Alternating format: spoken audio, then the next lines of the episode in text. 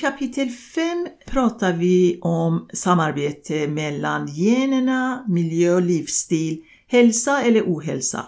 Peter, kan du berätta lite grann om hur vi är friska eller sjuka beroende av våra gener? Mycket intressant fråga. Eh, det är så att många tror att det mesta av deras hälsotillstånd beror på deras gener, om de har haft, fått eh, tur eller otur. Men studierna visar att i de allra flesta fallen så beror det mera på då livsstilen och miljön. Det finns ett samarbete mellan generna, den här informationskoden, eh, vår DNA och så sen då den informationen överförs till RNA och sen börjar en process där vi bildar proteiner och celler. Och den här processen, den här lilla kedjan av händelser, det påverkas av saker utifrån. Vi kallar det här för epigenetik.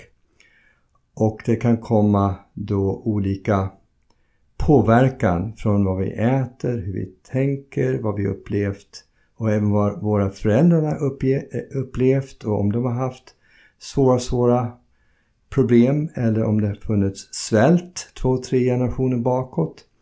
Allt det där kan påverka hur generna i slutändan bildar dina kroppsdelar och tendenserna till sjukdom eller hälsa. Så ungefär 85% beror på miljö och livsstil och 15% av din hälsa beror ju på generna.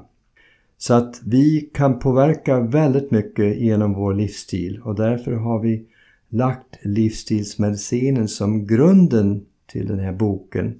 Genom att vi kan ta negativa tendenser och så sen kan vi ratta ner dem eh, så att de inte ger lika starka signaler. Och så kan vi ta positiva då tendenser i generna och så kan vi förstärka dem så vi blir friskare.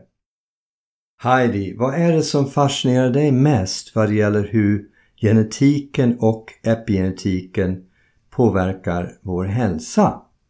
På 80-talet när man började prata om eh, genetik så trodde man inom forskningsvärlden att man har börjat lösa problemet eller lösa koden vad det gäller alla sjukdomar. Och så småningom uppdagade sig att generna hade inte mer än 15% 10-15% i vår hälsa eller sjukdom att göra. Och det är det just som fascinerar mig mest. Att vi genom våra val kan påverka våra gener, det vill säga att tvinga dem stanna hemma och inte uttrycka sig, så att säga. Och vi behåller oss friska. Och för det kan man ta flera exemplar att till exempel om jag har en avgiftningssystem som har en genvariation så borde jag inte göra vissa saker. Och om jag gör det, att jag sköter mig, så kommer generna aldrig klagar och jag får aldrig någon obalans i min hälsa.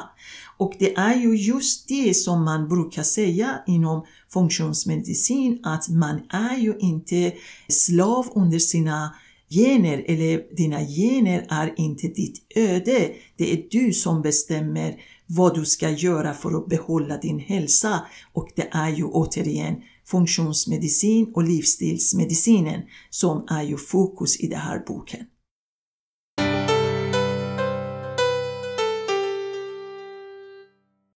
Min passion har varit hjärna och när jag träffade Peter blev omvandlad till hjärnhälsa. Köp boken Rädda din hjärna nu idag.